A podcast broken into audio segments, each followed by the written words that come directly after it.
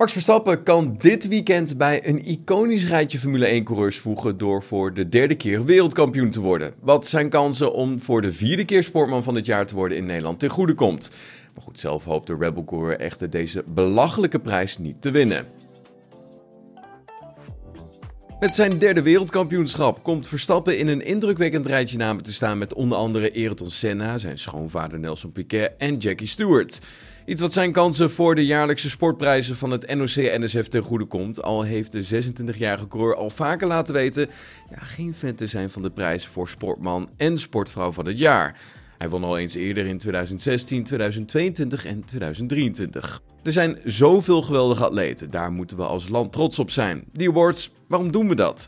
Zo vertelt Verstappen tegenover de aanwezige media in Qatar. Serieus, ik wil niet eens winnen. Het gaat toch helemaal niet om dat we iemand beter vinden dan een ander. Ik vind het een belachelijke prijs en ook niet eerlijk. Er zijn zoveel atleten die zoveel doen voor hun sport en geweldige prestaties neerzetten.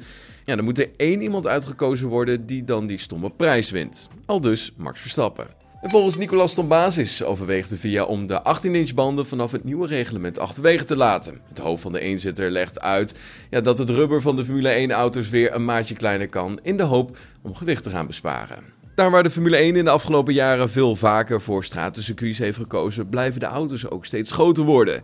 Het kan rekenen op klachten van de teams en coureurs die moeten racen met een steeds ja, groter wordende auto. Aan het nieuwe reglement dat in 2026 ingaat, wordt nog steeds gesleuteld en inmiddels wordt er gesproken over een gewichtsreductie van 50 kilogram. Met de afmetingen van de wielen die smaller worden, plus de achtervleugel en de auto in het algemeen, willen we het gewicht van de auto's met ongeveer 50 kilogram verminderen. Het wordt dus mogelijk om kleinere eenzitters te zien, korter en smaller. Maar we hebben het over oplossingen die nog moeten worden besproken. Zo legt hij uit tegenover motorsport.com. Ja, met kleinere auto's komt er dan wel weer een ander probleem aan het licht. Tot basis wijst namelijk naar het opladen van de elektrische motor, wat bij de zwaardere auto's wat gemakkelijker gaat. Met een auto op dieet kunnen we de bochtensnelheden iets verlagen. Omdat ze lichter zijn, zullen ze sneller gaan in een rechte lijn, maar zullen ze minder aerodynamische belasting genereren. We zullen dus de energieterugwinning van de hybride motor moeten verhogen om voldoende prestaties tijdens de ronde te garanderen. Liam Lawson zal in 2025, of misschien zelfs eerder al, een fulltime zitje in de Formule 1 krijgen. Althans, als het aan dokter Helmoet Marco ligt. Dat legt de hoofdadviseur van Rebel Racing uit tegenover de Oostenrijkse media.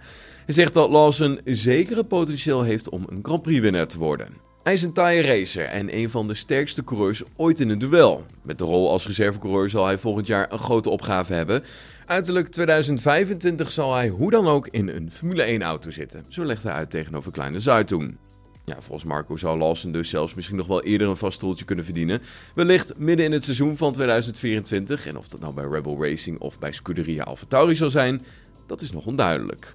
Goed moment om het tijdenschema met je door te nemen, want omdat het een sprintraceweekend bedraagt, wordt er slechts één vrije training verreden. Die gaat vanmiddag om half vier Nederlandse tijd van start. En vervolgens is het om 7 uur tijd voor de kwalificatie voor de hoofdrace van zondag. Morgen begint om 3 uur Nederlandse tijd de zogeheten sprint shootout, de kwalificatie voor de sprintrace, waarna het om half acht Nederlandse tijd tijd is voor de sprintrace zelf. De Grand Prix, de race van Qatar, gaat deze zondag om 7 uur in de avond Nederlandse tijd van start.